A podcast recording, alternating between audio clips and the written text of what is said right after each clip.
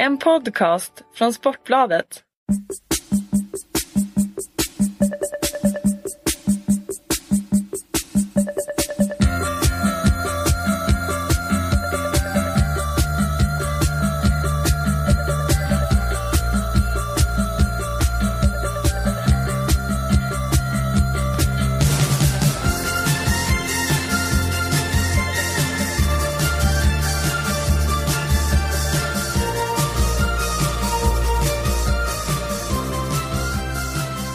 Vi välkommen till Folkets podd igen, 51% fotboll. Robert Laul heter jag. Vi är tillbaka. Jag sitter här med Oskar Månsson. Eh, häromveckan när vi körde så var jag precis tillbaka från en svår sjukdom. Nu är det du Oskar som har repat dig och tagit dig ur sjuk sjuksängen efter att ha drabbats av djungelfeber och haft ett eh, tufft arbetsschema igen.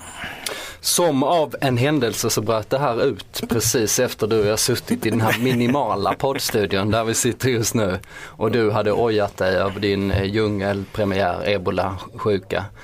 Och jag tror faktiskt det var exakt samma jag fick. Ja, jag är glad att ha kunnat hjälpa dig till att få ta det lite lugnt i sängen några dagar. Det kan man behöva ibland. Ja, om det inte varit för att jag jobbat dygnet runt istället. eh, bara struntat i det där. Eh, Nej, det är inte så mycket Men, att men. göra med den här allsvenskan för att, eh, att eh, stormatcherna och, och matcherna överlag eh, går ju i, i ett och ett. Va? Nu har vi klarat av den här intensiva fasen. Då. Vad, vad, vad har det spelats? Tre omgångar på nio dagar eller vad blir det? Det är något sånt. Va? Det drog igång en lördag och, och det tog slut en, en måndag kväll med, med det här Stockholmsderbyt. Och, eh, de dagarna däremellan var ju extremt intensiva. Jag tror jag såg sex matcher eller skrev om sex matcher totalt. Eh, någon framför tvn eftersom jag som sagt också var lite dålig. Men, men eh, det har dratt igång med, med, med en jäkla fart. Åge Hareide, Malmös tränare, varit kritisk mot det.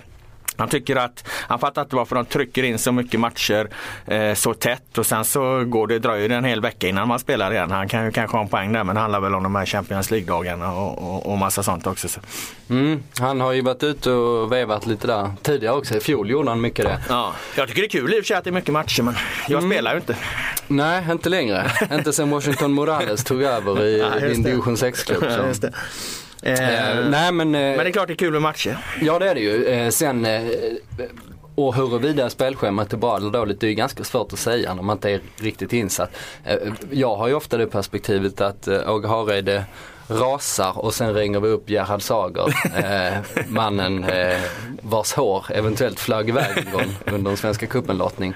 Eh, som då slår ifrån sig och går liksom till motangrepp och säger att, att Hareide, eller vem det nu kan vara, inte förstår någonting för vi har så mycket att ta hänsyn till. Eh, och jag, jag kan faktiskt inte bedöma eh, vem som har rätt liksom. Eh, och ja, Gerhard Sager tar inga fångar nu för tiden i alla fall. Det får man faktiskt ge honom. Han är nog ta mig fan ute och vevar i, i varenda fråga där, han, eh, där det går att veva. ja Det eh, får man ge honom. Att det, det, sen håller man ju inte alltid med honom. Men han, han tar ta mig fan debatten alltså. Det var, är ju vad man kan kräva. ja, han har ju en, en pigg blogg skulle man kunna säga, där han är ute och svingar. Eh, eh, ofta så här helt utan anledning också. Att, och eh, ja men att han klumpar ihop en massa kritik som har kommit genom åren och sen slår han tillbaks mot allt och alla som inte förstår någonting. Eh, och eh, ja, jag eh, håller väl sällan med Sager i sak på de där grejerna. Men eh, det är klart, det, det, det piggar väl upp lite. Ja, då, får, ja. då får vi något att snacka om här också. Det viktigaste, det var väl som Lagrell brukar säga, det var väl en av hans eh, bättre ledstjärnor att så länge liksom det är en diskussion runt svensk fotboll så är det bra för svensk fotboll. Att det snackas om det, att det inte faller i, i glömska. Den devisen försöker man ju själv leva, leva efter ibland. Att man vevar igång någon debatt för att det ska bli lite snack om det är lite för tyst. Så att det, det liksom inte Premier League-diskussionerna tar över på Twitter eller något annat. Jag tror det är bra liksom att det diskuteras. Sen som sagt så, så behöver man inte alltid hålla med varandra. Men att, att, eh, att snacket är igång, det ska vi nog inte vara rädda för. Mm. Det är ju ganska synd att tycker jag att eh, Karl-Erik Nilsson har valt en så oerhört låg Ja, motsatt eh, inställning. liksom. Politikerprofil, eh, väldigt lite örat mot marken, liksom fångar aldrig upp några bollar, väldigt svårt att få tag på honom och när man väl får tag på honom dagen efter då har liksom den här grejen som vi skrivit om blåst över. För att eh, nej, om vi då ska hylla Lars-Åke Lagrell i det avseendet, vilket, vilket man verkligen kan göra, det var ju man kunde ringa upp honom och, och be honom liksom kommentera Israel-Palestina-konflikten och han han kom med en lång utläggning till sist. Det var till och med så någon gång att, eh, eh, att att när jag ringde till honom, det var någon, någon av turerna kring Friends Arena där, han hade, jag tror förbundet hade fått kritik. Eh, och Lagrell liksom, för en gångs skull så sa han, nej den här gången så ska, så ska du, du ska inte få ett citat från mig Oskar. Du, du ska inte få någonting liksom.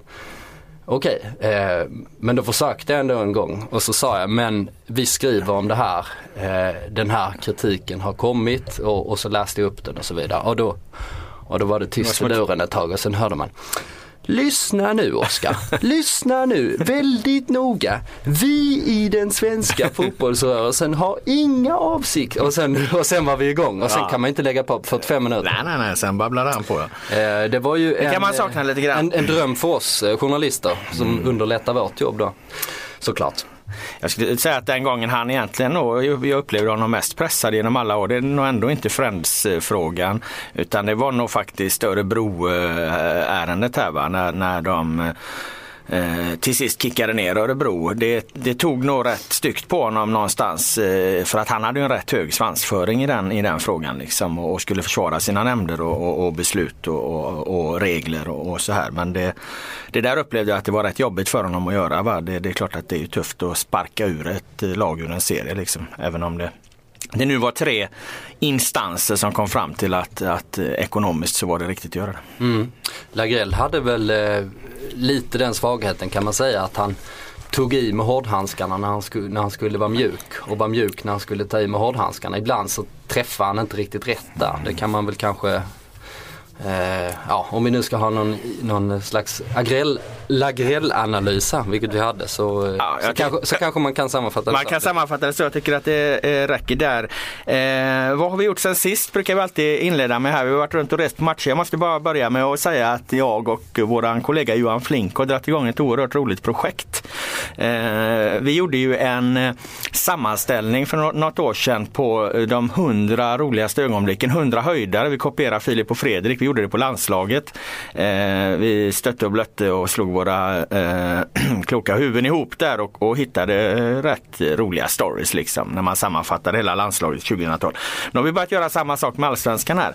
Vi har nog skrapat ihop, eh, ja, jag och Flink, vi, vi, en bilresa mellan Malmö och Helsingborg så kom vi nog på 50 liksom eh, eh, odödliga ögonblick och sen så gick jag ut lite på Twitter och, och fick en hel del tips till. Eh, vi ska sammanställa detta och eh, skriva ihop det med lite eh, roliga kommentarer kommentarer. Vi ska skicka ut det till, på remiss till dig och, och, lite andra kollegor så att ni får fylla på med de godbitar vi har missat. Men det finns ju rätt många, många roliga grejer. Eh, Elangas eh, guld, eh, guldintervju har vi spelat här flera gånger.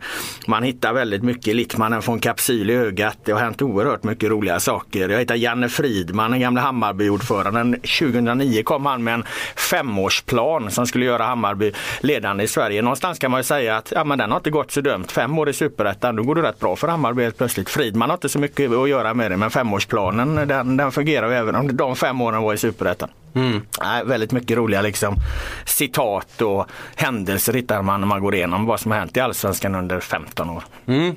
Om man är riktig, riktig allsvensk nörd så kommer man nog älska den där eh, listan. Ja men jag tror att de, de liksom toppgrejerna är så pass publika liksom. De är ändå, de håller ändå så, så hög kvalitet så att eh, och där finns det ofta rörliga bilder till det också. Vi är ju lite inne på att sätta eh, som etta då, det kan jag nästan avslöja, eller ska jag göra det? Ja, du kan väl tisa med något annat istället? Som, som har lite ja, vi, håller, vi, nej, vi håller på listan. Vi, vi, vi låter den ligga och, och gro lite och så återkommer vi till den. Den är nog inte så långt borta från att vara om, klar. Om vi återkommer till den här 100 höjdare med, i landslagssammanhang ja. så fick jag fram eh, ettan här.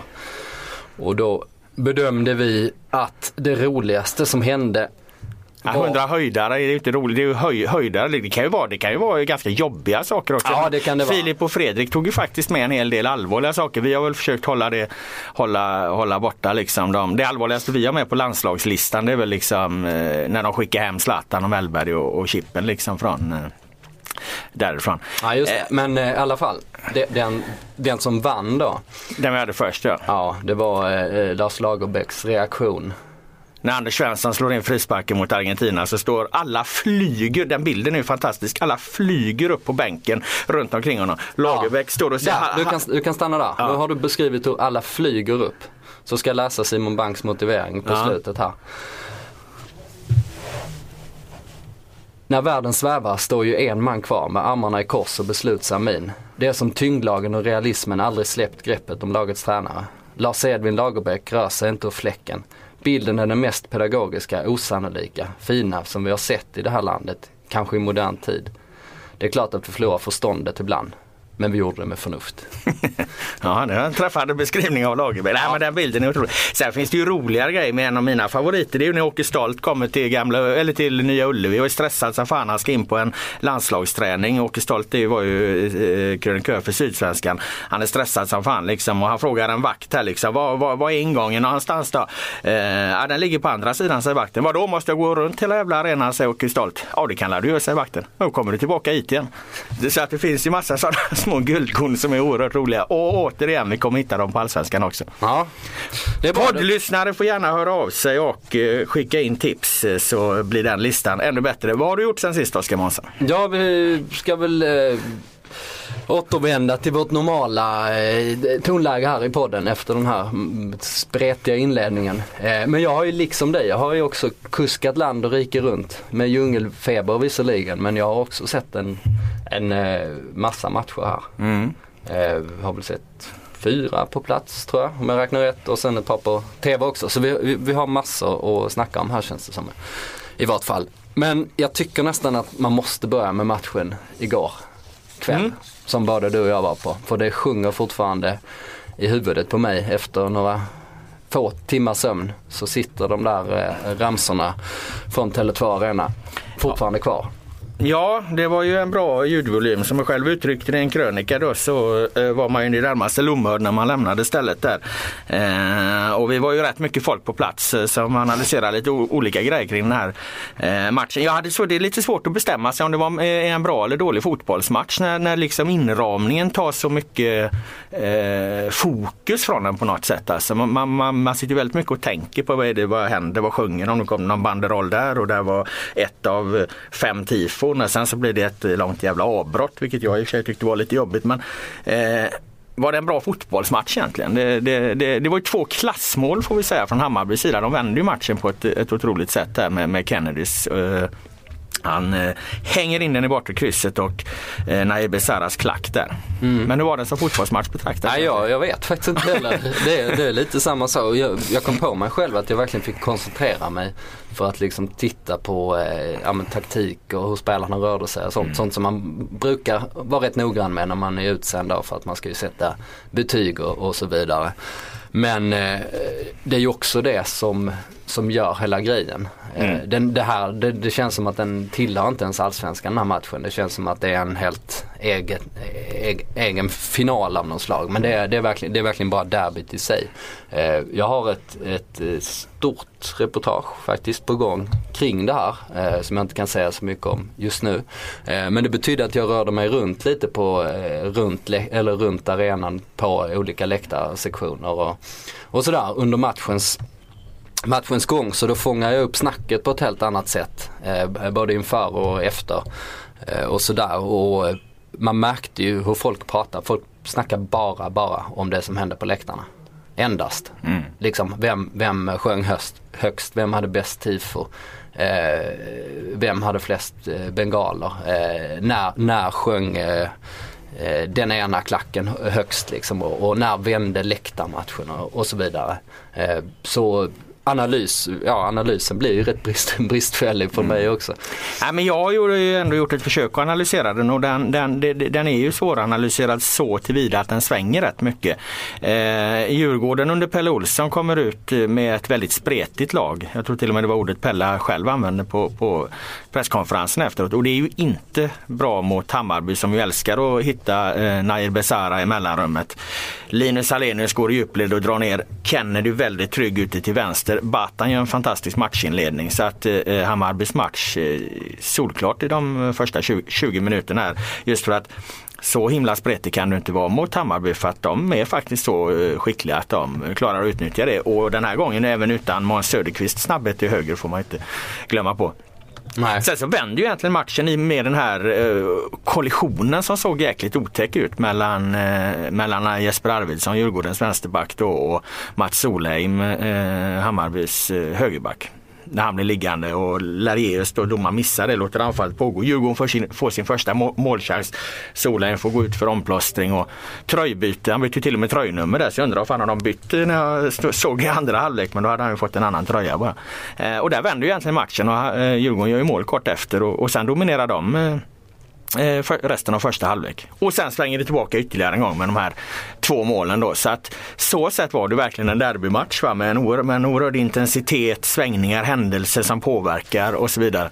Eh, däremot så blir det ju aldrig riktigt samma derbymatcher som det var på, liksom, på, som det är på Friends eller var på Råsunda när, när det, eller på, gamla, på Söderstadion för den delen när det är gräs liksom, när det blir det här duellspelet hela tiden.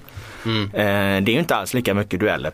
Den enda liksom som, som tog dueller det var ju egentligen Alexander Fal Falsetas. Han, men han tar väl dueller oavsett vilket underlag han spelar på för han spelar ju ingen roll. Det är ju, det är ju hans, eh, hans spelstil. Liksom. Han tog en duell mot sig själv också. Ja. Han fick ju utgångsskada ja, där. Ja, och det tappade de ju förstås en, en hel del, del på Djurgården skulle jag säga. Ja, han, var bra, han var bra eh, så länge han var med då i 40 minuter. Ja det gjorde de för i det här sprättiga systemet då var ju Alexander Falsetas väldigt viktig på det ja. defensiva innermittfältet. Att, att han verkligen skulle säkra upp där.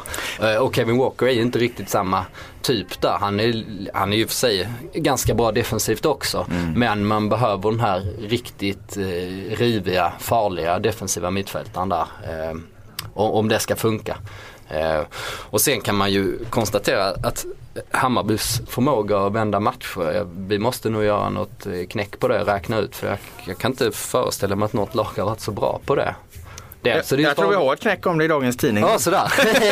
så där får du ta och läsa. Okej, okay, jag kanske ska läsa, läsa ja, jag vet Aftonbladet att vi, först. Jag, jag vet man... att vi gjorde något på det eftersom Nanne ville ju naturligtvis gärna, gärna lyfta fram det här. Han har ju emellanåt varit ganska negativ på presskonferenserna efter segrar. Han vill liksom köra någon omvänd psykolog, psykologi där men den här gången var han rätt tydlig på att eh, han ville faktiskt lyfta deras förmåga att vända matcher för han vill väl förstärka den bilden i spelarnas huvud att vi är jäkligt bra på, på vända matchen. Jag känner lite så här att, eh, att jag har underskattat Hammarby. Eh, på något konstigt sätt trots att jag följt dem så noga och sett utvecklingen. Men i fjol det var ju ändå liksom fight in i sista omgången för att de skulle gå upp och det var inte världens bästa superetta de spelade. Mm. Eh, det var till och med en ganska svag superetta tyckte jag. Men nu har de ju bara fortsatt på exakt samma sätt. Eh, och när de gjorde 2-1 så kändes det lite så här, alltså vad håller de på med liksom? Mm. Eh, har de den här nivån? Eh, det har de kanske inte då, om jag ska besvara min egen fråga väldigt snabbt. För att just nu är de ju faktiskt i, i delad ledning om man bara ser till poängen. Riktigt där, så högt kanske man inte kan placera dem men eh, är extremt imponerad av Hammarby och, och den här fysen som alla pratar om. Hur, hur, extremt noggrant och målmedvetet de har byggt upp spelarnas fysik för att vara starka i slutet. Det, det ser, det, det syns ju. Det är svart på vitt. Med tanke på alla de här vändningarna som eh, tidningen Aftonbladet har, tydligen har skrivit om idag. ja, ja, absolut. Eh, det är ju inte den enda stormatchen som har spelats eh, de senaste dagarna. Man blir ju rätt lätt blind på det som hände eh, liksom närmaste tiden där. Men vi får ju inte glömma att vi faktiskt har vi på de senaste fem dagarna, eller om det möjligen kan vara sex, så har vi även sett eh, Malmö FF eh, spela mot AIK och vi har sett eh, IFK Göteborg möta Malmö FF. Ja. Det har ju också varit två eh, extremt eh, uppmärksammade matcher och eh, heta och intressanta matcher. Definitivt. Ska vi kanske gå på Malmö AIK då? Den som du Ja, den var vi på plats på i, i, på plats på. i eh, Den såg Mal jag Malmö på eh, TV själv för att ja. då var jag, eh, ja, var var jag då någonstans? Jo, jag var och kollade på Häcken-Djurgården där på Ullevi ja, i Göteborg. Eh, men Malmö-AIK, det blev 0-0 alltså. Mm. Om någon kommer ihåg denna matchen? Nej men det känns ju, bara för det ändå så himla mycket, det känns som det var rätt länge sedan. Men det är klart att den, den är värd, värd, och, eh, värd att nämna.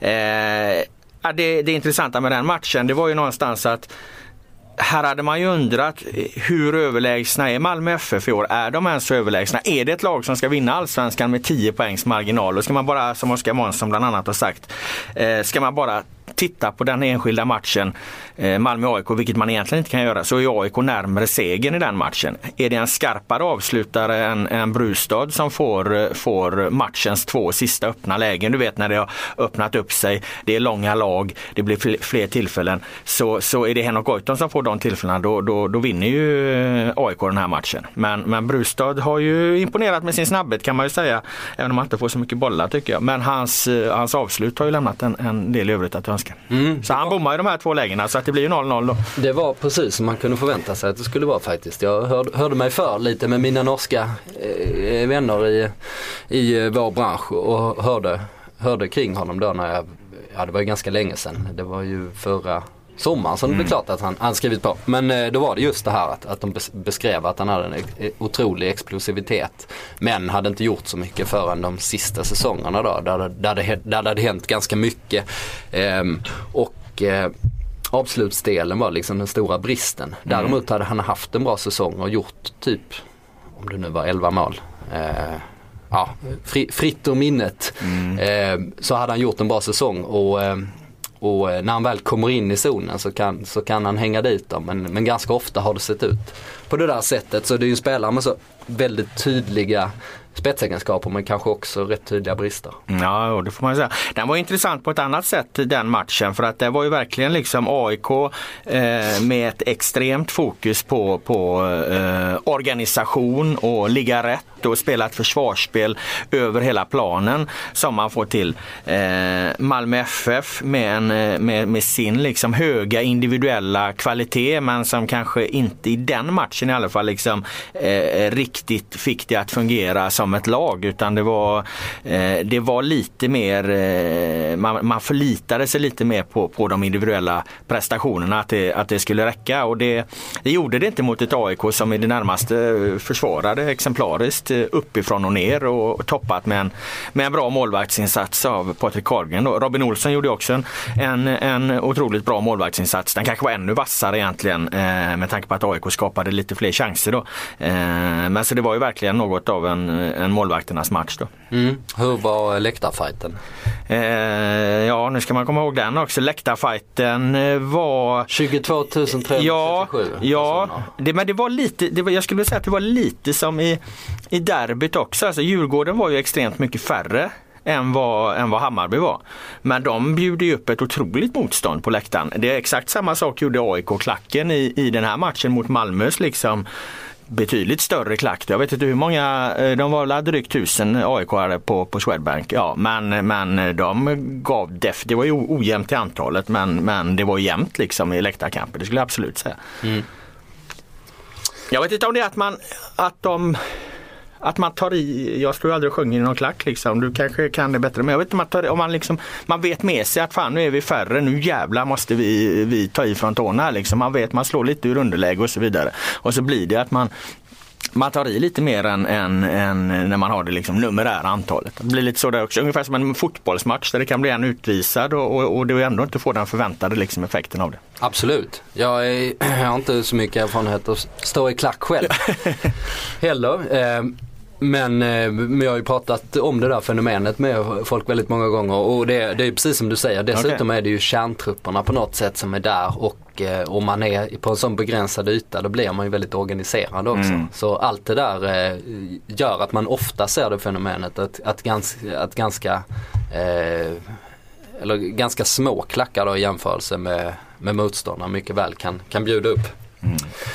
Sen kom ju, vi kan väl bara gå över där då, sen åkte ju Malmö då bara fyra dagar senare till Göteborg då för ytterligare en, en eh, stormatch då. Eh, hade dessutom fått en vilodag mindre än IFK Göteborg hade den här tuffa AIK-matchen i benen. Eh, men kliver ut och gör en riktigt bra eh, första halvlek skulle jag säga under de förutsättningarna. Man såg ju på IFK att här skulle man minsann ge Malmö en jobbig match. Alltså, Gustav Svensson i IFK Göteborg gick ju fram som en skördetröska första kvarten. Sen åkte han på en varning och fick liksom dämpa sitt spel lite. Men det var mycket hårda dueller. Eh, Hareide och Lennartsson talade ju efter matchen om att det här liksom närkampsspelet, duellspelet höll liksom internationell klass i kombination med en bra domarinsats av, av Johan, er, eh, Johan Eriksson, Jonas Eriksson som lät jag tillät eh, det ske på en bra nivå liksom utan att det, utan att det blev liksom brutalt. Det var hårt men, men, men eh, häftigt. Mm. Men i andra halvlek så, så tror jag att Malmö känner av det här att fan det var inte så länge sedan vi redan hade en tuff match. Vi har 1-0. De passar på att, och backa hem och eh, Eikrem går ut som har varit bra i första halvlek men orkar väl inte riktigt. Eh, mycket försvarsspel för, för Malmö och då har ju Hareide, vilket jag tycker man måste hylla honom för, för han, han, imponerar ju på många sätt den här norrmannen alltså, det får man ju faktiskt ge honom. Han har ju valt att starta med en trebackslinje då med Erik Johansson, Rasmus Bengtsson, Filip Helander. Eh, och det var som Lennartsson sa att det krävs ju extraordinär kvali kvalitet för att, att ta sig igenom där. Så man brukar ju tycka att IFK Göteborg har ett av allsvenskans bästa anfallspar då i Lasse Vibe och, och Gustav Engvall dessutom med de här kantspelarna eh, Ankersen och Riks. Men de kommer alltså inte till mycket eh, rena målchanser. Jag tror IFK Göteborg på hela matchen har ett skott på mål. Mm. De har lite liksom Engvall, nästan lägen. Engvall blev skadad i ja, så det var ja, fick, Mikkelsen fick, som fick, fick springa på slutet. Ja exakt, han fick ut i paus Engvall där. Men, men att ändå med det spelövertag IFK Göteborg har i andra halvlek inte skapa mer. Det måste man ju ge till, till Hareide och de tre mittbackarna då att han sätter den. Och jag tänkte faktiskt att det här var kanske ingen taktik för Eh, och just möta IFK Göteborg utan att jag varit lite inne på att Hareide vill spela 3-5-2 i fler matcher. Men nej för fan han sa efteråt att det här var faktiskt tanken var att, att möta just Göteborg. Nu går vi förmodligen över då till 4-4-2 i nästa match och det måste de kanske ändå göra då eftersom Erik Johansson är avstängd. Tre gula kort på tre matcher. Mm. Eh, Bra jobbat. Ja, men nej, så det var ingen tanke. Jag trodde lite att de ville spela 3-5-2 för att Rosenberg ska ha en anfallspartner. Han eh, fungerar ju bra när han har det. Och för att de vill ha Eikrem i nummer 10-rollen där. Då får de liksom ut alla de här sakerna. Och för att, för att få det så måste man ju spela 3-5-2 i princip. Mm. Eh, men nej, de Malmö FF spelar nog 4-4-2 nästa match också. Dessutom har de ju två eh, ytterbackar som fun funkar ganska bra som wingbacks. Eh, framförallt eh, Jotun ja, på vänsterkanten. Det får man säga. Den får vi väl stanna vid YouTube Jotun eh, som dundrade upp bollen i krysset med ett eh, riktigt, riktigt härligt eh, vänsterskott. Ja, alltså... Dock eh, måste bara lägga till den, kul, kul detalj där var att vi, vi skrev ju eh, YouTube-målet från Malmös YouTube-kille. Mm. liksom en, en, jag tyckte för övrigt att vi skulle skriva YouTube-målet från Malmös YouTube-Jotun. eh, men så kul hade vi tydligen inte. Men, eh, men Eh, och då eh, liksom syftar vi på att, att Daniel Andersson faktiskt inte hade sett honom live utan bara sett en massa matcher på honom. Men en liten kul utvikning där blev att, eh, att Daniel Andersson protesterar emot den här beskrivningen i mm. Kvällsposten dagen efter. Han, han protesterar emot själva YouTube-begreppet för att han har ju givetvis inte sett honom på YouTube utan Aha. han har ju sett liksom hela matcher. Han hade sett 15 Det var en jävla fjompig sak att hänga upp sig på eller? Ja. Men, men nu, nu är Daniel ute på ett Gerhard Sagers tåg. ja det får man ju göra. Nej men det som var så, det som var så märkligt, med, eller märkligt, det som var så imponerande ska vi säga med det målet som, som Joti gjorde. Att om man jämför det med Kennedys mål då, som förvisso kanske är lite i sämre vinkel då, men då är det ändå att han viker inåt och skjuter med högen. Och då är det naturligt att du trär in bollen i bortre för du får inneskruven på det. Eh, Jotun sköt ju liksom med vänstern därifrån liksom på något, eh, något eh, Kubilas liknande sätt om någon kommer ihåg den jämförelsen med, med den gamle peruanen som var bra i VM. Om det var 74 eller 78, jag var eh, knappt född. Ja 74 var jag inte född så att, men man har ju läst historieböckerna och, och sett de gamla bilderna. Men det var ju ett jäkla skott alltså och dessutom dra in den med vänstern där. Emil Salomonsson är ju väldigt passiv i, i, pressen två gånger om. Dels när han tar emot bollen, dels när han lägger den till rätta och kanske till och med när han skjuter då. Eh, men, men jag har svår, jag tror inte det var någon som hade väntat sig att du drar in den med vänstern därifrån alltså. Nej. Det var väl det mest överraskande målet i årets allsvenska. Ja det kan man säga. Det är ju en liten miss av Emil Sal Salomonsson mm. kan man säga som fick en stor konsekvens. Men det betyder att Emil Salomonsson går ner på 3 plus senare. ja, jag tror vi satte två plus på i, i, den matchen. Den här, den här följetongen, vi uh, rullar ju vidare. För att innan dess hade ju Blåvitt mött Örebro på bortaplan vunnit med 2-0 och den matchen var jag och kollade på på Bern Arena. Bytte ut eh, räkbaguetten i paus för övrigt. Alltså, Mm. vad har de nu då? Ja, de har en slags salami-macka. Ja, ja, men den är inte dum den heller. Ja, den, den funkar bra. Ja. Men då gjorde Emil Salomonsson eh, 1-0 och sen så eh, gjorde Vibe 2-0 typ i, i princip på, på stopptid. Mm. Eh, så Salomonsson blev ju Han var ju matchhjälte där då. i matchhjälten där och, och gjorde en, eh, en, eh, en väldigt stabil match. Så då, då tog, vi, tog jag upp den där debatten med honom efteråt. Och då, eh, Ja, då tvålade du till din gamle poddkamrat här så att jag fick liksom löpa gottlopp i, i rikspressen igen. Ja, Det var ju inte så hyggligt men det sånt du gillar. ja eh, Emil tyckte det var väldigt kul debatt i vart fall. Ja absolut, men det är klart, gör han mål så ska han hyllas. Jag hade inga synpunkter på hans insats i den matchen. Mm.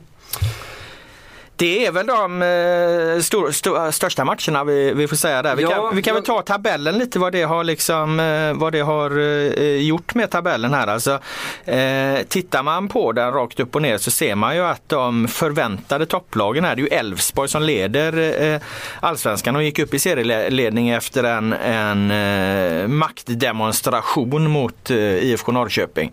Eh, och leder ju på målskillnad då. Men det är ju tre lag som har, eh, tre av de förväntade topplagen har ju sju poäng. Elfsborg, Malmö, Malmö och AIK. De har ju verkligen liksom infriat förväntningarna. Man talar ju mycket om AIKs eh, seriestart här att eh, de brukar vara svaga i början och nu har de fått den start de vill ha. Elfsborg har eh, liksom inte heller egentligen någon tradition av fantastiska inledningar. Jag tror inte de har börjat allsvenskan så här bra sedan guldåret 2006 tyckte jag att jag snappade upp någonstans. Så att Elfsborg har också fått en klart, klart mycket bättre start än, än vad de brukar få. Och så Malmö då som också har sju poäng. IFK Göteborg det fjärde förväntade topplaget. De har ett ett mindre, sex poäng, men har ju ändå fått en, en hygglig start. Även om det är klart att den här förlusten på hemmaplan mot, mot Malmö bränner ju om man ska liksom utmana Malmö om något guld. Den, den saken är ju klar.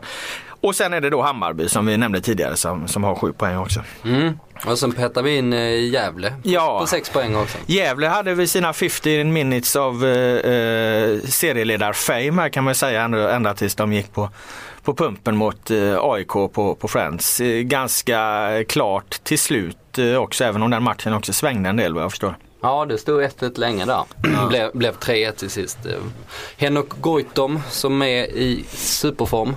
Gjorde ett riktigt så här goalgetter-mål. Det var runt 80 minuten. eh, Så eh, AIK var väl ganska illa ute.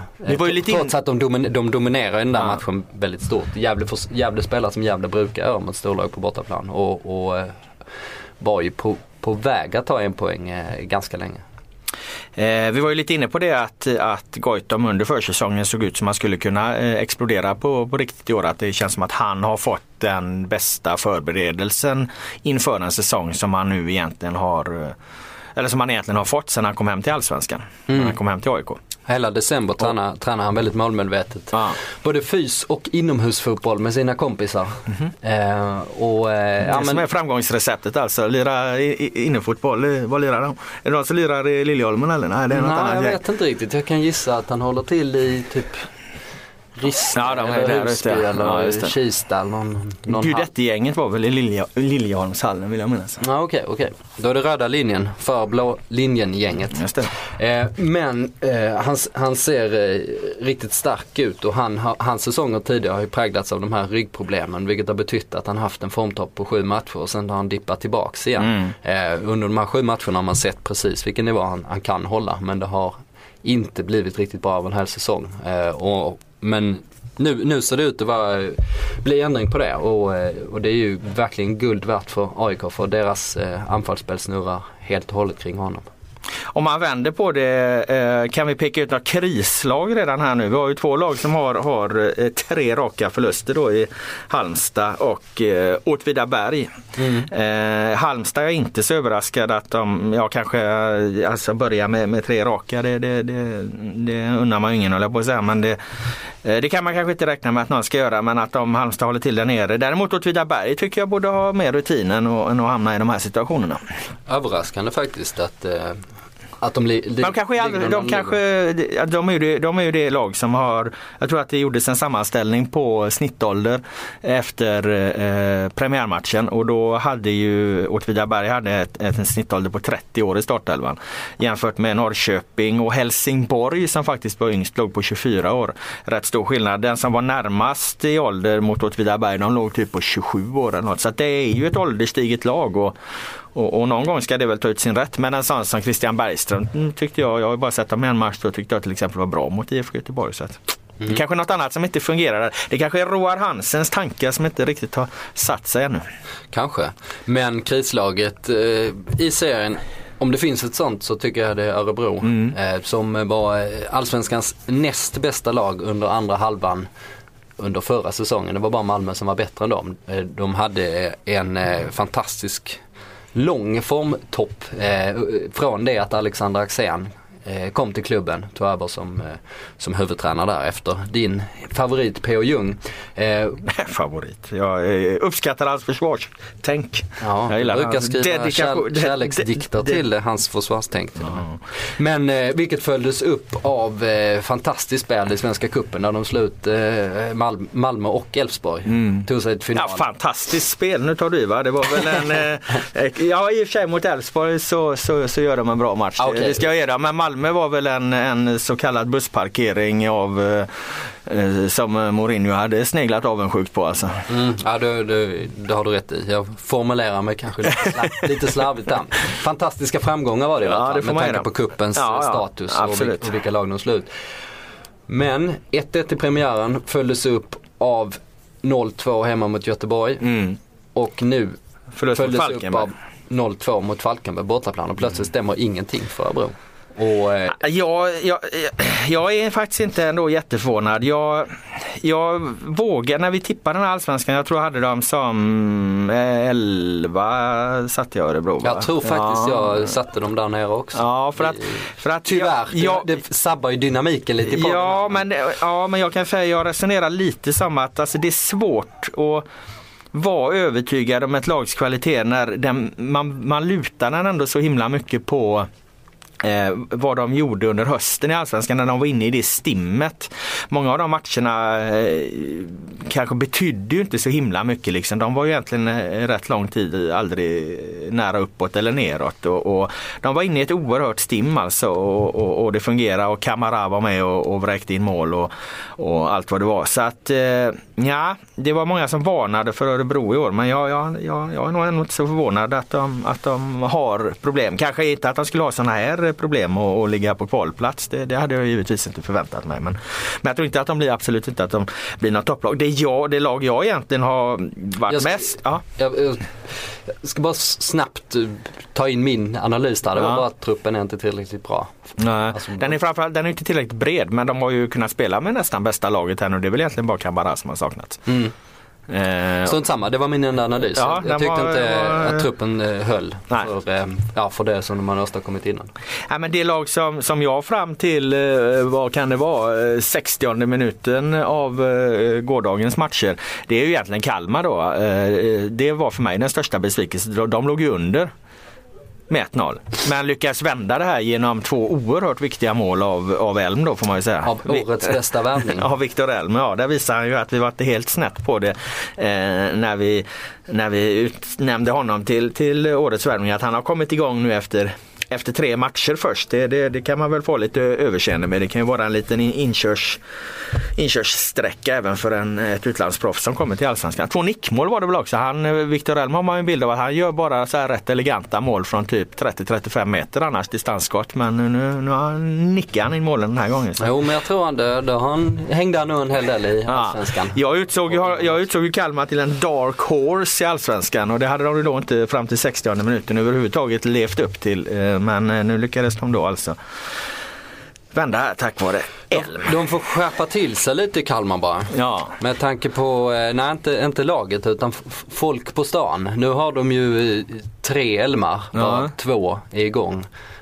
De har en jättefin fotbollsarena och det har snackats om den här säsongen på ett sätt som det inte gjort på väldigt länge. Och då kommer det 4000 på, på en sån här match. Eh.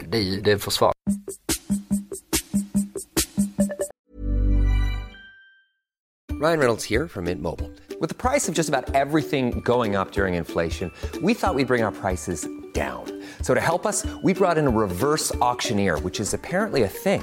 Mint Mobile unlimited premium wireless. Ready to get 30, 30, bit to get 30, bit to get 20, 20, 20, bit to get 20, 20, bit to get 15, 15, 15, 15 just 15 bucks a month. So, Give it a try at mintmobile.com slash switch. $45 upfront for three months plus taxes and fees. Promo rate for new customers for limited time. Unlimited more than 40 gigabytes per month. Slows. Full terms at mintmobile.com.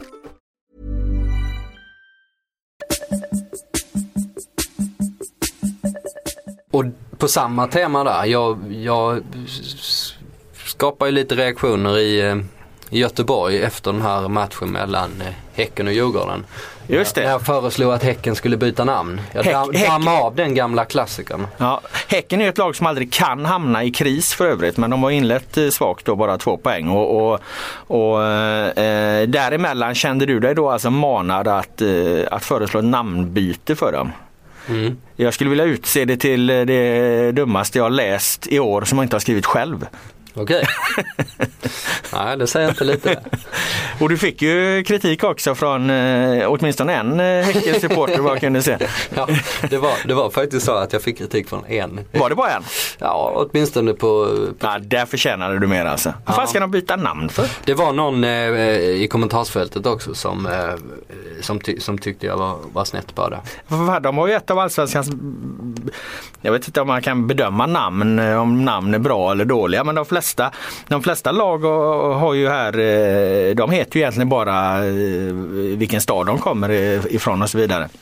AIK, Allmänna idrottsklubben och eh, tillhör Solna AIK. Heter de, är det liksom, ingår det i namnet AIK Solna eller är Allmänna idrottsklubben är namnet? Ja. Ja, för de är ju Stockholmslag. De är bildade i Stockholm en gång i, en gång i tiden. Va? För då, På, Sture, då, då, på Stureplan till och med. Ja, Biblioteksgatan. Biblioteksgatan. där. Eh, Då har ju de, då, AIK har ju ingen, ingen liksom eh, geografisk anknytning i sitt namn då, Allmänna idrottsklubben, utan det är ju liksom en, en förening. Eh, Så att det är ju lite roligt när de liksom betyder något annat än bara sitt namn då. Men sen är det ju Häcken där liksom som, Mm. som inte är förknippat i någon, något område eller någonting.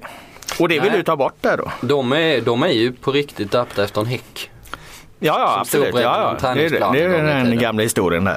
Ja. Eh, ja, nej, men, eh, jag, nej men jag var ju seriös med förslaget Ja. eh, och eh, jag hoppas du läste min argumentation också eh, i krönikan. Ja, men jag förstod och, den inte. Och inte bara eh, liksom säga, inte bara säga att det dummaste du läst utan du läst det. Ja, som jag, eh, alltså utöver allt elände jag själv har skrivit Mm, givetvis. ja, så. nej, ja, men jag tänkte så här, eh, vilket jag också skriver i krönikan, att i 98 fall av 100 skrev jag krönikan, jag kan nog sträcka mig till 99 fall av 100 skulle jag aldrig föreslå att en, att en klubb med, med lång historia i svensk fotboll eh, skulle byta namn. Eh, men jag tänkte, tänkte på det Eh, när jag var på den här matchen, det var allsvensk hemmapremiär för Häcken. Eh, det var fint väder, visserligen på fel arena. Eh, det var ju på Gamla Ullevi eh, eftersom Häcken eh, bygger nytt. Eh, men det är ju inte så svårt att ta sig till, till Gamla Ullevi för någon. Eh, Djurgården hade knappt tusen personer där. Häcken hade 2500, eller förutom Djurgården så var det 2500. Då kan man väl anta att merparten av dem håller på Häcken. Men vi säger 2000 supportrar inklusive lite ungdomslag och vad det är.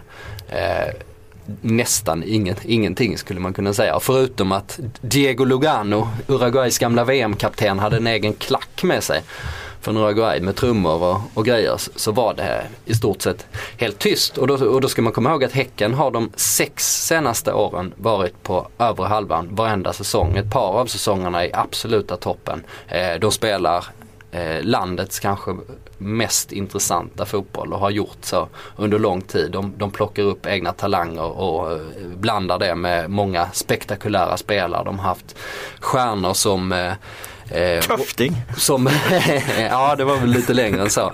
Eh, men Boris Majid och eh, Mustafa El Kabir till exempel. Nu har de Simon Gustafsson. Eh, och de får inget folk att komma dit. De har försökt lansera sig som hissingens lag eh, under senare år. Men avkastningen på det har ju uppenbarligen varit ganska liten. Sen vet man inte vad de får för effekt på ny arena men, men alla de här kampanjerna, eh, eller de, de här satsningarna som de har gjort har ju uppenbarligen inte betalat av sig. För att publikunderlaget är fullkomligt uselt. Och sånt tar ju tid att bygga upp men att man inte lyckats på något sätt då fick mig att komma till den här slutsatsen. För samtidigt som det är så kallt på läktarna så är Gothia Cup en, en framgångssaga av internationellt snitt. Eh, det är liksom någonting som folk i, i stora delar av världen känner till. Ungdomsspelare från Sydamerika och Asien och Afrika och vad det nu kan vara. Och därför tycker jag att man borde slå mynt av den internationella kopplingen. Eh, och om det sen ska vara FC Gotia, det vet jag inte, det kanske ska vara BK Gotia. Eh, så i det här enda, enda fallet eh, så tycker jag att man borde utnyttja det. Och kanske till exempel starta upp en eh, akademi med spelare från Ghana eller någonting. Ghana har de ju haft viss framgång, framgång med scoutingen tidigare. Mm. Där, därav min argumentation för att jag tror att man skulle kunna få mycket större möjligheter. Och givetvis skulle det inte vara smärtfritt men om man skulle göra ett namnbyte så kan motståndet åtminstone inte bli mindre. Eh, och jag tror att man inte skulle liksom slänga hela historien över bordet. Utan jag tror att man skulle kunna lyckas på sikt, som tar ju lite tid, att behålla hela identiteten. Man behåller sina färger och man behåller eh, supporternamn och, och allting kring det. Det, det var min argumentation. Det var din argumentation. Jag undrar mest om vad det vackra liksom vädret hade med, med att göra att du kände dig månad att skriva den här krönikan. För det var så du inledde den här långa, att du satt där liksom och det var vackert väder. Och, och ja, men då, då tänker man lite friare kanske. okay, ja. Nej, det, det kanske jag konstigt. Det var, det var ju bara det att, ja, eh, ja att Nej, jag fattar. För, för jag jag berätta hur, jag, hur dåligt det var med ja, så lite folk. Jag är rädd att vi inte kommer få något svar på den här frågan för jag tror inte de kommer göra något eh, namnbyte. Så det blir mest vad man tycker och tror. Men, jag stötte på marknadschefen eh, Marcus Judin efter ja. Eh, matchen. Och ja, slog han ner det eller? Då hade han ju snappat upp vad jag skrivit. Eh, men då berättade han faktiskt att de hade ju registrerat det här namnet, FC Gotia. De ägde det här namnet redan och han sa att diskussionen dök ju upp då och då. Mm. Um, det var ju snack om ihopslagning, det känner du till då för några år sedan med, med ÖIS och Gais där. Det vart ju, vart ju våldsamma protester mot ja, att precis. man skulle gå och det var, ju, det var också noga att punktera i, i krönikan att det inte skulle vara några så här galna eh, klubb, eh, sammanslagningar för då skulle man ju verkligen kasta historien över bord. Eh, det, var, det var inte alls min tanke. Bra, då har du redogjort för det då. Eh, en av de minst omdiskuterade artiklarna i, i den här veckan har vi fått en rejäl eh, utläggning om. Det är intressant, tänk den, vilket jäkla liv det hade blivit om du hade gjort det i, i någon av de större föreningarna. Ja, den minst delade krönikan i, i, i svensk press den här veckan. Trodde du att det skulle bli en, liksom, en våldsam debatt i Häckenlägret eller vad? Um, jag trodde nog ändå att det skulle leda till mer reaktioner ändå, även i Häcken. Liksom, även om, om, för jag menar vad fan, om, jag har eh, jag kritiserade Häckens klack en gång. Va? Det, det kan jag fortfarande få klä skott för. Så att, eh, alltså, de brukar kunna reagera. Alltså. Den kanske var dåligt lanserad.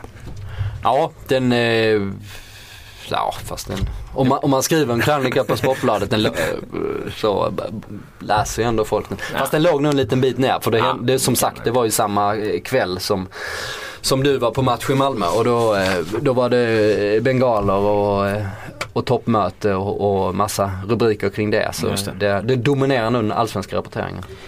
Eh, vi nämnde Viktor Elm där, en stjärna som har börjat leverera. Vi har tidigare nämnt Kennedy, får mm. man säga, en av spelarna som vi hade 5 plus på i bilagan som det var lite diskussion om. Vi hade 5 plus även på Henok Goitom. Där har vi två spelare till som, som har levererat. En hel del av stjärnorna har, har eh, gjort skäl för sin stjärnstatus eh, ganska tidigt där. Jag tycker att eh, Magnus Wolf Eikrem har kanske Ja, han gjorde ju tre assist i första matchen så han har ju kommit med i, i, i poängprotokollet. Eh, men att spela på en, en, nästan en egen nivå, väldigt väldigt fin när han spelar alltså. Så att eh, många av stjärnorna har levererat direkt här. Det är mm. ganska kul att, att, man, att vi får fort på dem också. Ja, Göteborgs fantastiska fyra har eh, ja, inte riktigt inte nått riktigt. den nivån men, men varit eh, helt okej okay, kan man säga.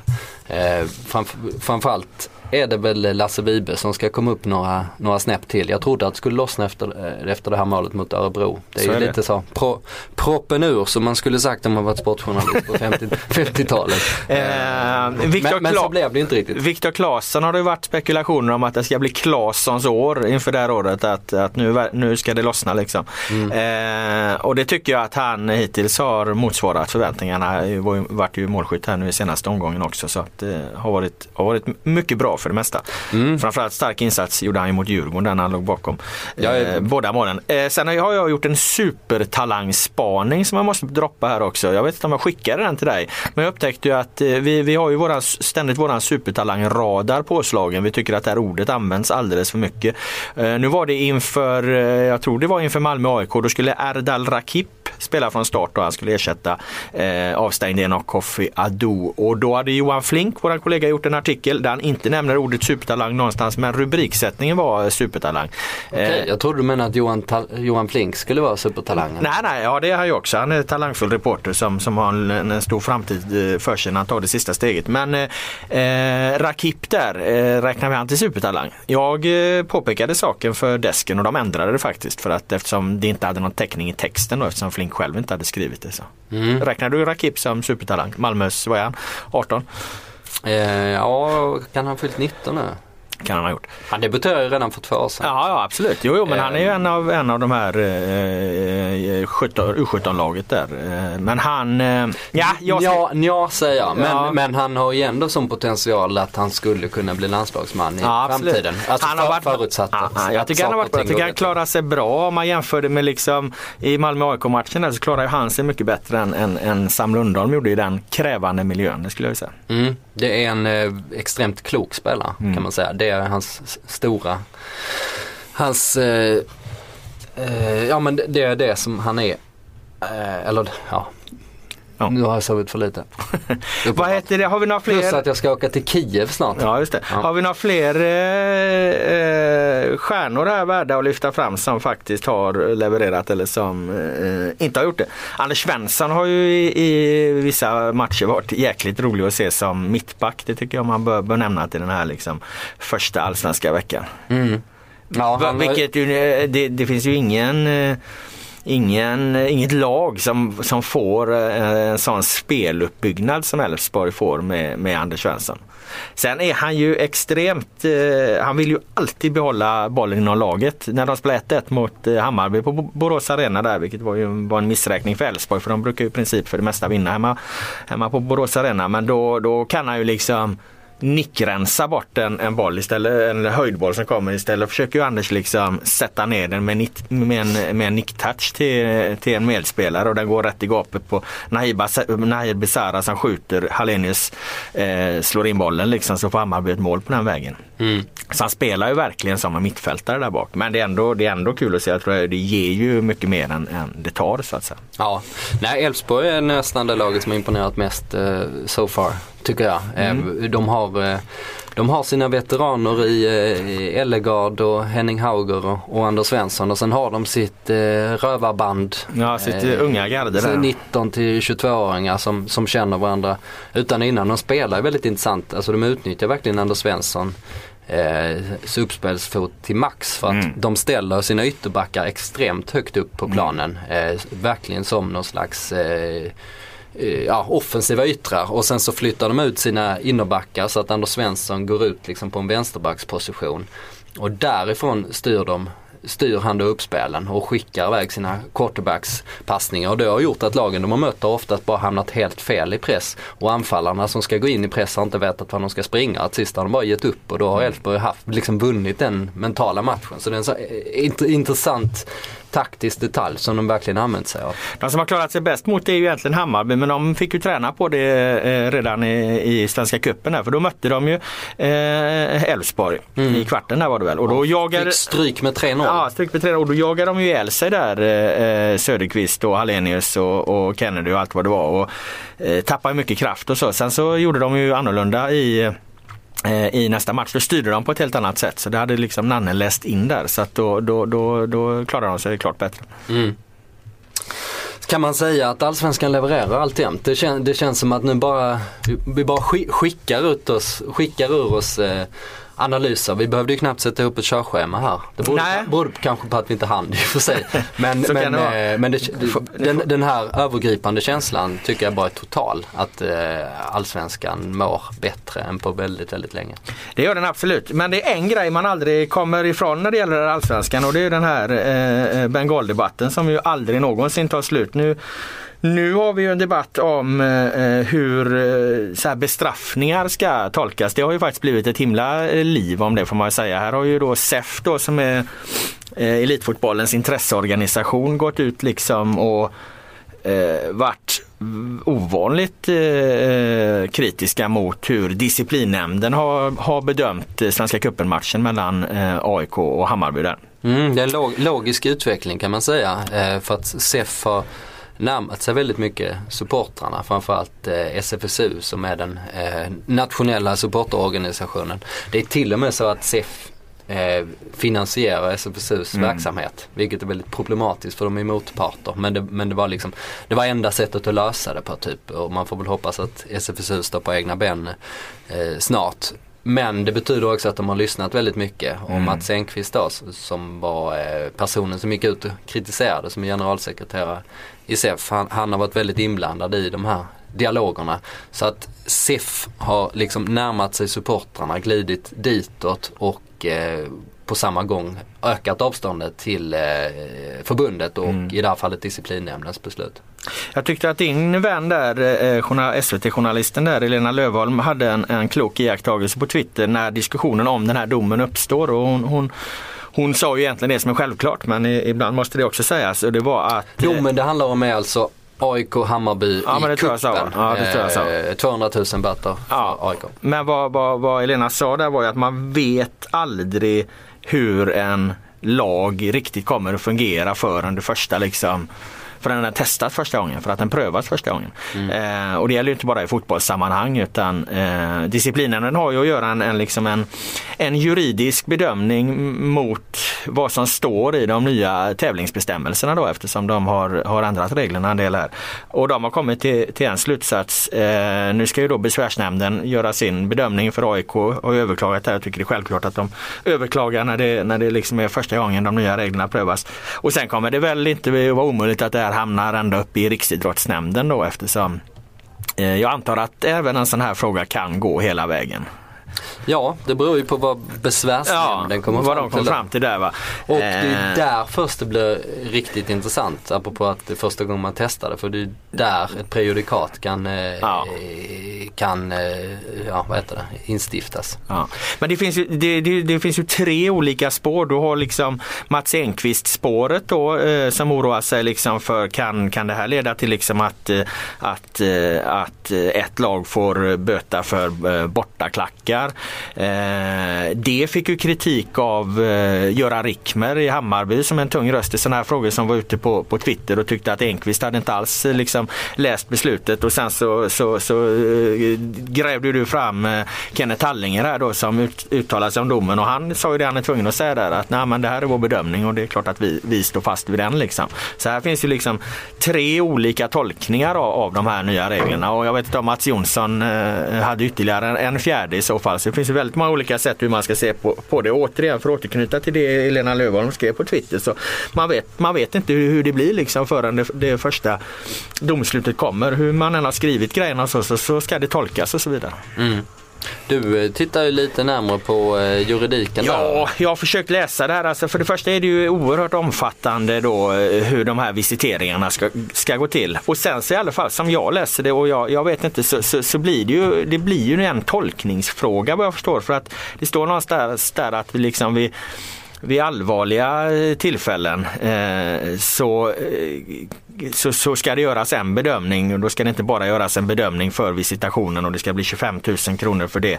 Och, och jag antar att det är det liksom eh, disciplinnämnden har, eh, har tittat på att då måste de bedöma hur allvarligt var det här? Ja, då anser de att de då ska räkna bengaler så som man har gjort tidigare. Men så finns det en falang här då som säger att man ska inte alls räkna bengaler. Men jag tycker inte att det, det fram, framgår jätteklart eh, i de här tävlingsbestämmelserna exakt vad som gäller. Så det är möjligt att vi kommer landa, landa i att de har varit väldigt slarvigt skrivna. Mm. Men det får vi väl som sagt se innan nästa liksom, juridiska instans tar hänsyn till det. Alla reagerar ju förutom möjligen disciplinnämnden då, men alla reagerar ju på att bötesbeloppet för AIK blev ju på något sätt överraskande högt gentemot hur det var tänkt att den här nya tillämpningen skulle ske. Därför råder det väl någon slags konsensus. Liksom. Det Att det, har, ju- det har ju många reagerat på och det, och det är därför jag menar att det är därför det är rätt av AIK att, att överklaga det här. Liksom. Ska det verkligen vara så här högt? Mm. Det var ju faktiskt en, ett av de högsta bötesbeloppen som någonsin har utdömts. Ehm, eh, ja, det är någonstans där, kanske 250 000 någon gång. Jag har inte det exakt men det, men det, liksom, det har inte varit mycket högre någon gång i vart fall. Eh, och det som jag ställer mig mest frågande till det är ju böternas storlek i första hand. Ehm, för eh, i, i, den här, eh, I det här beslutet så bestod 25 000 eh, bestod av att eh, evakueringsvägarna var blockerade. Att det inte var liksom skött tillräckligt bra. Eh, 25 000 fick man för det och sen så fick eh, man 175 000 för eh, bristfällig visitation. Det vill säga att, att, att eh, mycket bengaler har kunnat eh, liksom smugglas in. Och om man tittar på portionerna där, evakueringsvägarna, det kan ju bli potentiellt farligt på riktigt. Eh, alltså om det skulle utbryta någonting på, på läktaren eh, så måste man ju ha eh, evakueringsvägarna fria. Eh, och då, då upptäckte de att det fanns brister där, de gjorde bedömningen att det fanns brister där och då kostade det 25 000. De här bengalerna, bristfällig visitation, det kostar alltså 175 000. Eh, vilket känns som en absurd summa faktiskt. Eh, och jag, Ja, den är hög i alla fall. Ja, jag står för att det är en eh, fullständigt absurd summa med tanke på ehm, eh, hur lite klubbarna kan göra för att stoppa eh, bengalerna. Givetvis måste man ju ha en visitering som är så bra som möjligt men man får inte göra en kroppsbesiktning som det heter utan det är bara poliser som får göra det och när man liksom kollar allt. Eh, men det, och det, det man kan göra är att man, man, man, liksom, man kan väl fälla ut armarna på folk och känna lite sådär. Men alla som tar med bengaler vet ju vad man ska stoppa dem. Du ska ju bara stoppa dem i kalsongerna eller, eller i bhn och sen så är det ju safe för att man får ju inte ta det. Ta det. Så att eh, klubb, klubbarna klubbarnas säkerhetsansvariga, de kan ju inte stoppa bengaler. Möjligtvis att de kan komma åt eh, eh, någon enstaka men eh, om jag hade velat smuggla in bengaler på, på en arena så hade ju det varit eh, precis hur lätt som helst. Så man förstår ju att det, en, en, liksom, det finns en hopplöshet där då. Ja, men det finns ju en andra serv på allt det här också. Och det är ju liksom den nya polisorganisationen och den här nya liksom, eh, förhållningssättet till upprepade ordningsstörningar på eh, läktarna. Eh, det var väl bland annat det Eh, AIK drabbades av inför säsongen här, polisens beslut liksom att man skar ner med tusen personer eh, på Norra Stå. Eh, det var ju polisens beslut, liksom, alltså att tillståndet förändras. Det är ju nytt för i år. Och, eh, Var det inte 500 eller? Var Nej, det var tusen. Det var från okej. fem och ett halvt till fyra och ett halvt. Okej, har jag för mig. okej. Eh, och, eh, det där är, är ju någonting som, som eh, de har, myndigheterna har sagt att de ska använda, använda sig av då ifall det eh, är upprepade ordningsstörningar och, och dit räknas ju bengalerna. Så där kommer ytterligare liksom ett så här, vapen från myn- myndigheterna då att eh, eldas det så mycket som det har gjort i, i inledningen så är ju risken att fler föreningar kommer att få eh, sina tillstånd förändrade, att de inte får, får ta in mycket. Det, det, har ju, det hänger ju egentligen inte ihop med, med, med, med de här bötesbeloppen som man får av fotbollen utan det där är ju myndighetens liksom bestraffning då. Mm. Och, och den har de ju varit rätt tydliga på att de ska använda och de, vilket man kan tycka var ett dålig timing av polisen att göra precis inför allsvenskan innan man tyckte att det liksom man kan, kanske kan räcka med en varning innan allsvenskan ens har dragit igång. Va? Men, men där visar de i alla fall, okej det här är något vi tillämpar. Eh, så att eh, eldas det så mycket som det gjorde och ryker så mycket som det gjorde på, på Tele2 där så, så att där vart ju matchen uppskjuten 10 minuter inför och, och, och en kvart i, emellan halvlekarna där. Då är det nog risken liksom att fler föreningar kommer att få, få sina tillstånd påverkade. Ja, kanske. Ehm, men eh, så, Om, inte, om de inte får det, då, är det ju, då har ju polisen eller då har myndigheterna då har de gått ut och sagt någonting som bara Ja då var det bara ett skrämselskott i så fall och det tror jag inte att supportrarna påverkas av utan de, de testar ju reglerna här nu. Mm. Om, man, om man tar liksom den allmänna diskussionen, det, de nya direktiven när de kom, hela tanken med dem var att man skulle bestraffa eh, klubbar eller arrangörer som inte uppfyllt sina säkerhetsföreskrifter. Man skulle strunta i vilka konsekvenserna blev, blev eh, istället för att, vilket man gjorde tidigare. Ja, det, vill, det vill säga att eh, om du fullföljt dina säkerhetsföreskrifter till punkt och pricka eh, så kommer du inte få böter även om, om eh, folk missköter sig på läktaren. Om eh, liksom, eh, enskilda personer hittar på någonting. Eh, utan bedömningen ska bara ligga på vad kan klubben göra. Eh, och i motsatta fallet om man har haft brister i säkerhetsarbetet så ska man få böter även om, om ingenting händer. Och det är ju givetvis mycket rimligare, mm. rimligare sätt att se på det hela. Eh, Men det är ju, fot, det, det är fotbollens synsätt. Man får väl säga fotbollens Ja men det, synsätt det är och... mitt synsätt också. Ja, okay, ja. Det är min åsikt att det är det rimliga sättet att, eh, att förhålla sig till de här mm. frågorna. Eh, för att klubbarna gör ju Eh, Eh, så mycket de bara kan för att göra så bra arrangemang som möjligt och detta är ju ofta en storklubbsfråga. Det är ju storklubbarna som missgynnas av ett sånt här regelverk och det är småklubbarna som, som smiter undan lite, de behöver inte göra så mycket. Eh, så att, och jag tycker dessutom att det här att bedöma efter antalet bengaler eh, tycker jag också fel sätt att se på det. Utan jag tycker att man ska bedöma vilka brister har funnits i visiteringen, eh, hur allvarliga var de bristerna och därifrån sätter vi bötesbeloppet. Som man gjorde i det här eh, fallet med evakueringsutgångarna. Mm. Att de brast i det, det kostar 25 000. Att det, att det finns en, en prislapp för det helt enkelt. Det tycker jag är ett mycket mer logiskt system eh, som, eh, som i bästa fall kan vara effektivt till och med. Men det är det jag menar att eh, konsekvensen av det kan ju bli eh, att okej okay, man eh, blir av med böterna. Man har det här synsättet som du är inne på och som jag också trodde att, liksom att, att fotbollen och disciplinnämnden skulle gå efter. Men sen kommer det ytterligare pålagor från polisen att om det ändå liksom brinner bengaler eh, så eh, kliver de in och, eh, och förändrar tillståndsgivningen att du inte får vara, vara, vara, vara så många på läktarna. Mm. Det är ju ganska klart uttryckt av dem. Sen som sagt, jag vet inte, de gjorde det mot AIK, nu kommer de göra det på, på fler ställen. Det, det får väl framtiden utvisa helt enkelt. Mm. Sen måste jag väl säga det här med eh, disciplinnämnden också att eh, jag har ju eh, liksom dig skrivit om de här frågorna i många år. Eh, när jag pratade med Kenneth Hallinger som, som jag gjorde igår så har varenda gång jag ringt så har han eh, liksom varit helt frågande till mitt ärende. Han har liksom aldrig någonsin, jag vet inte om han spelar då bara, men han har aldrig någonsin eh, hört talas om en händelse. Eh, och ofta har det ju varit ganska stora grejer som har hänt i derbyn och, och så här. Men han har varit helt, helt eh, ovetande till det och man har alltid fått förklara vad det är som hänt.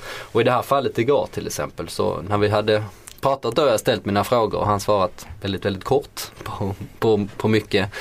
Eh, så sa jag okej okay, men vi, eh, vi får, vi får väl eh, se vad som händer nu bla bla bla lite så här på slutet och då sa jag det är, det är ju ett Stockholmsderby ikväll också. Så Jaha, sa han. Jaha, vilka är det som spelar då?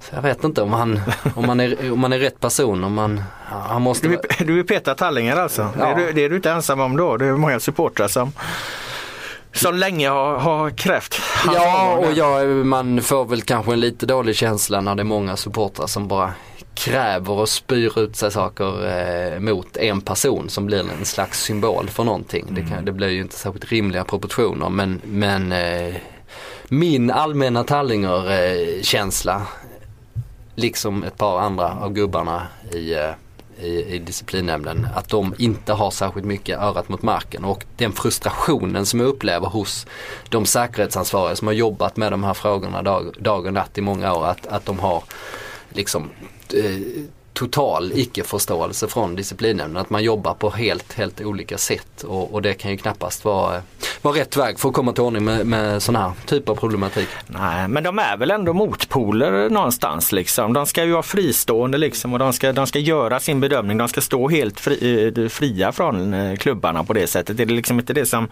som de gjorde någon slags förändring här för ett tag sedan? Att det är någon, någon slags grundtanke. De är ju, det är en juridisk instans. Eh. Absolut, Så att det, så det, det, ska ju vara en, det ska ju vara en diskussion här, här emellan. Eh, på sätt och vis när det kommer liksom till, till liksom den juridiska bedömningen. Mm. Jo, eh, det ska det ju givetvis vara men i idealfallet så har man ju ändå förtroende för rättssystemet. Hade och nu upplever jag att, att förtroendet är Ja, men jag hade tyckt det var mycket bättre om jag när jag sätter mig och läser de här tävlingsbestämmelserna då och då har också kollat på dem snabbt liksom, om det var väldigt oerhört snabbt. För Ja, om det var väldigt klart och tydligt uppdelat exakt vad som gäller. Och det är väl någonstans eh, hela fotbollsrörelsens ansvar att, att eh, när man gör en förändring så eh, måste det framgå eh, klart och tydligt vad som gäller. Annars uppstår den här typen av diskussioner. Och så, jag backar återigen till vad, e- vad hon Helena skrev. Alltså första domen med helt nya regler. Då, det hade nog ta mig fan blivit diskussioner hur man än hade vänt och vridit på det. Och vi vet ju fortfarande inte var den här, var den här frågan landar. Nej, det, man kan väl nästan, nästan anta att det är troligt att den ändras på ett eller annat sätt. Om den kommer prövas i besvärsnämnden Ja. om, och om de kommer fram till exakt samma sak så kommer den i så fall överklagas i, i Riksidrottsnämnden. Och, Ja. ja. det allvarliga är ju ifall, ifall eh, eh, nu har vi läst den lite för slarvigt kanske då, men eh, det allvarliga är ju ifall eh, det är så svagt formulerat i bestämmelserna så att det rimligaste blir att göra precis så här. Alltså då, för då, kom, då har du liksom någon slags, kommer du ha en grundläggande konflikt eh, som har ett högt tonläge hela den här säsongen också. Mm. Och sen har du ytterligare då återigen liksom myndigheternas då att de ska ändra tillståndsgivning och annat. Så att, eh, vi lär få anledning att återkomma till, till eh, den här frågan. Ja, det är i alla fall intressant att det är så extremt mycket eh, debatt eh, kring eh, de här bengalerna. Bara för att, för att de syns så tydligt så har alla på något sätt en, en åsikt om dem.